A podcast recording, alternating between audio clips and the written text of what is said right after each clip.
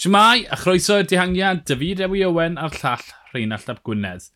Cymal 20 y giro, ni wedi bod yn gofyn yr un cwestiwn trwy gydol y ras, pwy yw'r cryfa yn y giro, ac ar lethre'r marmolad, y dringfa ola yn y giro, mi gathon ni'n ateb. Y grŵp blaen na o'r ffefrynnau, mynd o 15 i 10, i 6, i 4, i 3, i 2, i 2, nôl lan i 3 am eiliad, a wedyn i un. Chos Jai Hindley, heb os na goni bai Reinald, yw cryfa yn y Giro d'Italia. Fel o'n i'n gobeithio yn, yn y pod nithwr bod na un ymdrech fawr, ti'n bod, yr ymdrech dynged fennol na i roi, ti'n bod, diwedd ar y peth. Cai pen y mwdwl ar y frwydr am y Cris Pink a dyna'n union be welon ni gyda Jai Hindley. Ma, ma, lan i nawr, mae'r frwydr am, am y Cris wedi bod yn eitha wedi mitha, yn, yn geidwadol iawn, mm -hmm. achos mae'r boes wedi bod mor agos, mae rhyw harau'r peth yn hollol saff. So, ti'n bod, ti'n edrych nawr gyda, ti'n bod, lliged ffres ar, ar y cymal yma, y 5 km ola yna, gyda'r llethre melltigedig yna, dyna lle oedd e'n mynd i fod, yeah. ti'n bod, ond yn gwybod allan ni agor ddigon o fwlch yn y man yma, a dyna'n union beth nath Jai Hindley, a fi'n falch, mae'n nid poker face oedd yep. Yep.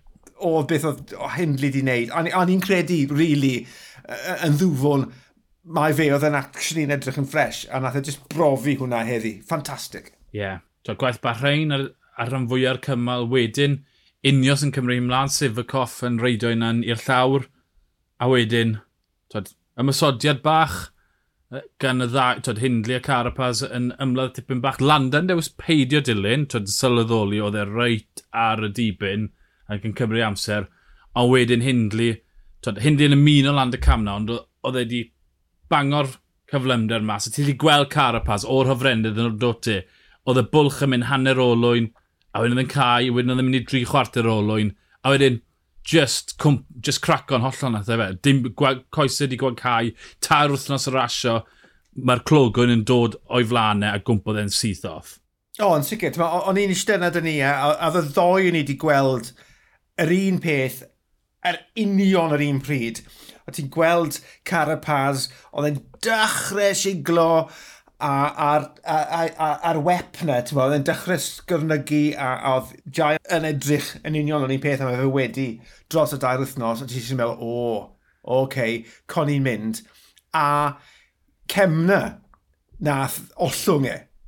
Na pryd ath e off y cefn, ce cemna sydd wedi bod yn y dihangiadau yma, o'r diwedd, wnaethon nhw, ti'n bod, ymuno y dosbarthau cyffredinol a cemna wnaethon nhw fesur yr ymdrech yna yn berffaith yeah. bod wedi gallu dod nôl ar y foment tyngedfennol na roi just muned neu ddoi yn ychwanegol i Jai Hindley. Mm -hmm. A wedyn ni, sylweddoli, right, Carapaz off y bac, dyma ni. Oedd gwylio Jai Hindley yn hedfan lan y diweddglo yna o styried y, y graddiannau melltigedig yna. E, oedd e'n just ffantastig i weld. Ie. Yeah. Um, Cem, na na mae wedi bod yn neud yn y dihangiadau trwy gydol y giro yn y trydydd wythnos yn, yn wedig, yn aros i gallu pigo lan Jai Hindley. Er, twyd, pe bat se cemna wedi bod yn y grŵp tu ôl, bydde wedi mynd lle, yr un ffordd y bwchman y Celderman. Felly tactegau perffaith gan bore fyna i gael reidio'r lan y hewl. Ond, ie, yeah, oedd yna wahaniaeth rhwng, rhwng y ddau. Oedd yna fwlch. O'r diwedd, ni wedi gweld cadarnhad bod yn gallu hedfan. A pam ti'n, faint oedd e, di munud a hanner gath e? Mm. Munud a hanner o fwlch rhwng Hindley a Carapaz. Wel, dyna'r ateb. Hindley yw'r cryfa, Hindley sy'n heiddi ennill y giro. Mae'n gret i weld. Um, Landa, twyd, nath e ddim dilyn am rhan mysodiadau. Pwy ath? Hindley neu Carapaz ath gynta? Carapaz ath am rhyw dwy neu dair eiliad, ond nath Jai Hindley ymuno yn syth a mynd ar draws yr hewl a cymryd drosodd yeah. yn ymwysodiad. So oedd rhaid i Carapaz fynd i ol, mewn i olwyn Jai Hindley wedyn ni. Hindley oedd yn rheoli'r peth na. Ond ddiddorol, twyd, nath Landa ddim ymdrech o gwbl na, i ddilyn, achos oedd e'n twyd reidio i'w bwyr e, neu reidio i'w gorffe, a twyd, Benny, faint oedd e, 40 eiliad o flan Carapaz, felly twyd, dyna fan mor wael gwaghadd Carapaz y tank. Um, okay, fi ddim yn credu yn hwn yn hynna'n, ond Ai Sifacoff, gwaith Sifacoff i geisio tyd, roi y tan gwyllt ar y, yn y dweddglo nath golli'r giro i Carapaz? Pan oedd hyd yn oed Tiwlet a, a Sifakov dal o'i flanau, i credu na, nath e danfon neges iddyn nhw i arafu lawr. So fi'n credu oedd y problem yna yn bellach lawr y, y ddringfa. Mm -hmm. Ond wedyn ni, beth i ti'n neud? ti'n naw gwaith math o ddeg, oedd Sifakov yn neud y peth cywir.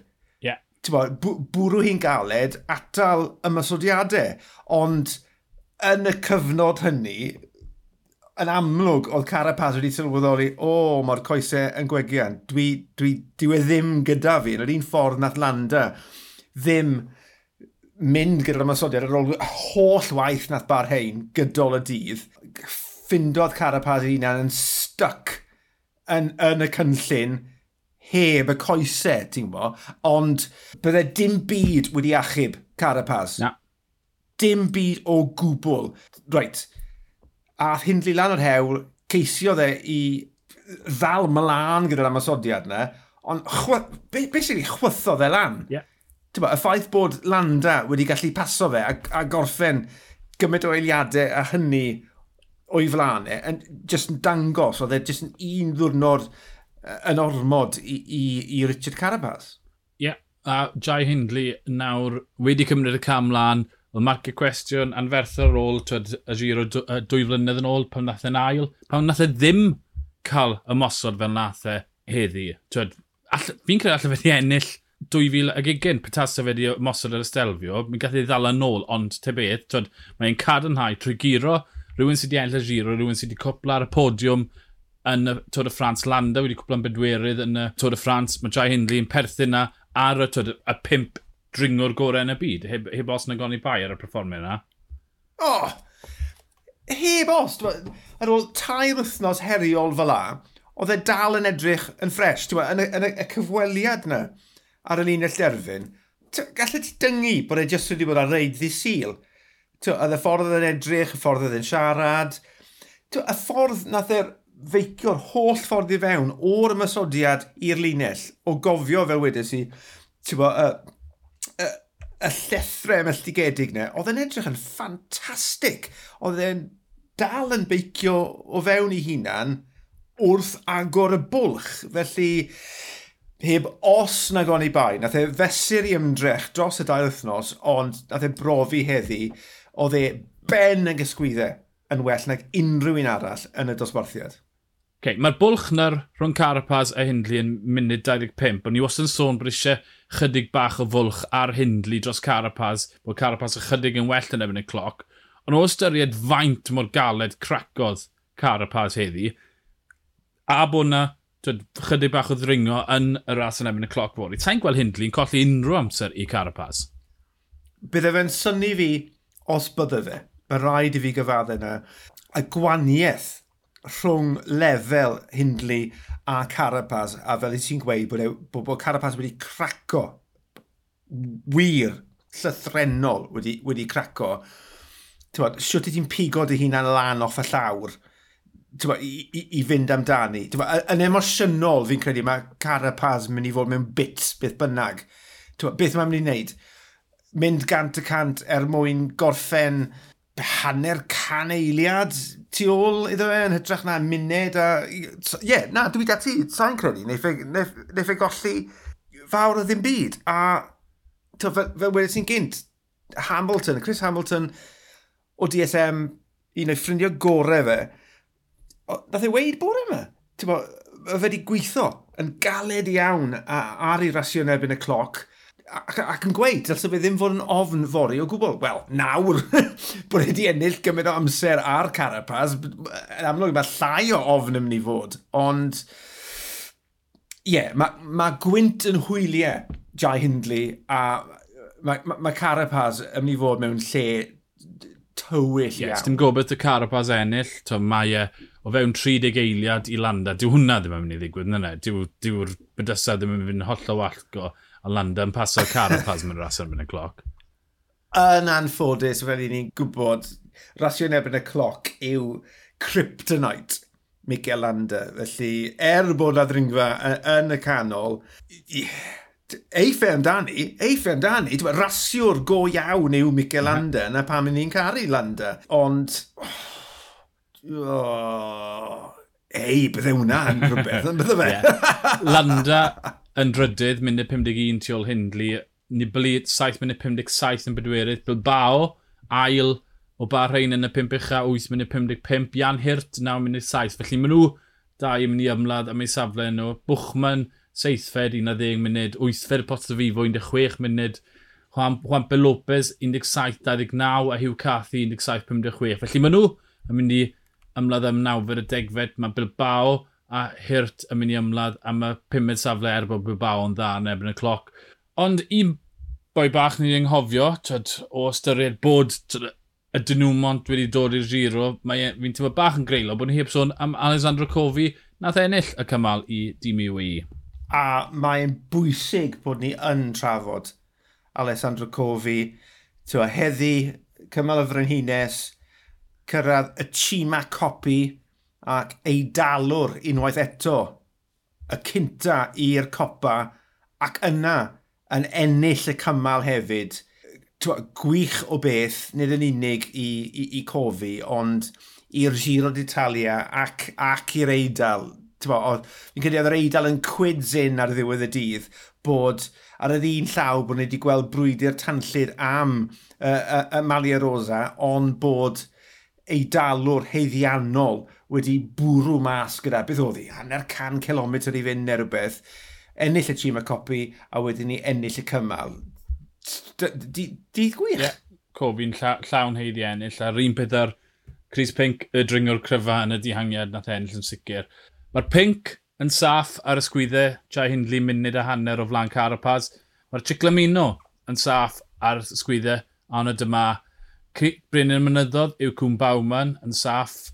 Uh, Juan P. Lopez fydd yn gwisgo'r gwyn gan bod e 5 munud o flan Santiago Butrago. Rhaid all, cwestiwn bach ti. Pwy sy'n arwen dosbarthiad y tîm? Mae'n ma, ma, fisi yn hofran dros... Damo! Damo, damo, damo! Ond dwi ddim wedi gwasgu'r bwtw. Oh, o! Dwi'n fod yn deg fan hyn. Dwi actually yn mynd i drial meddwl. Ti eisiau clyw? Go on. Mae yna ddau dîm o fewn 5 munud, mae pawb arall awr a mwy nôl. Um, Bahrein? Yw un o'n nhw.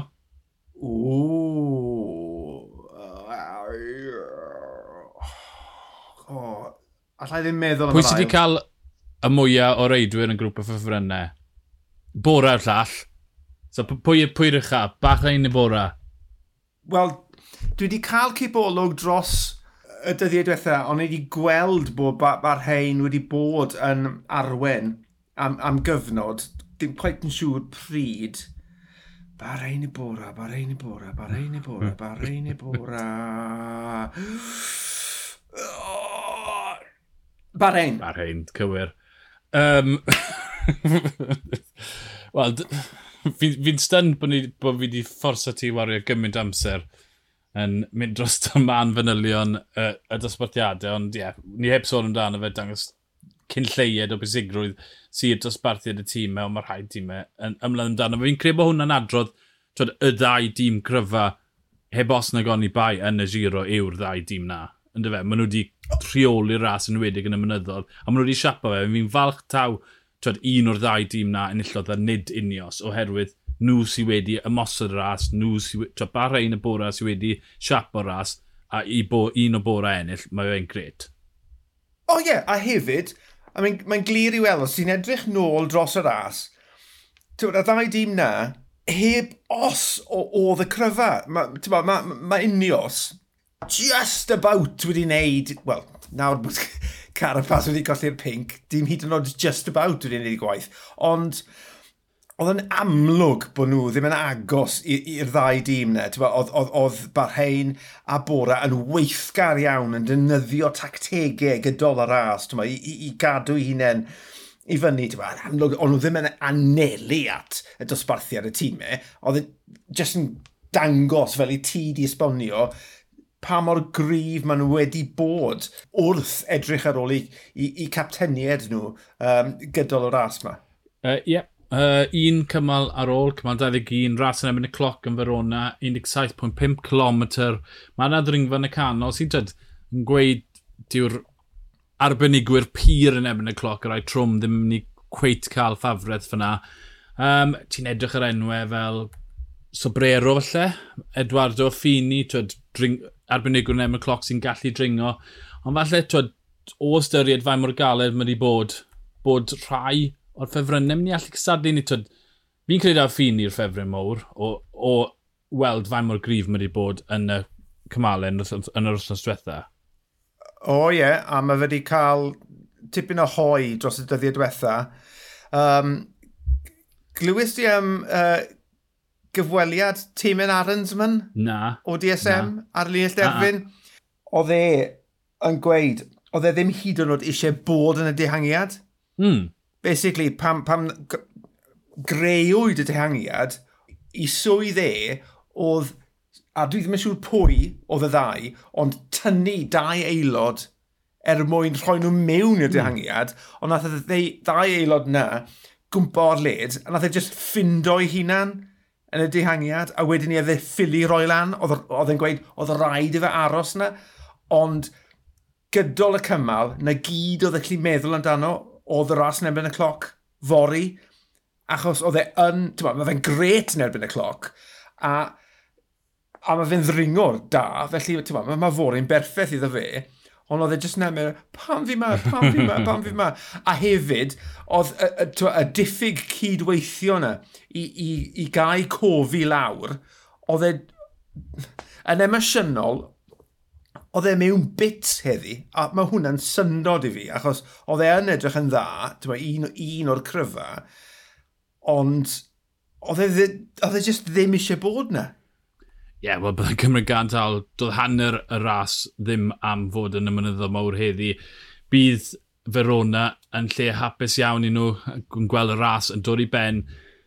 Ymunwch dyn ni fori i drafod digwyddiadau'r ras yn emyn y cloc. Dim disgwylio bod y Cris yn mynd i newydd, ond fi'n siŵr bydd na berfformiadau i drafod. Ond y fideo i Owen o'r llall Rheinald Llap Gwynedd, ni'r dihangiad, hwyl.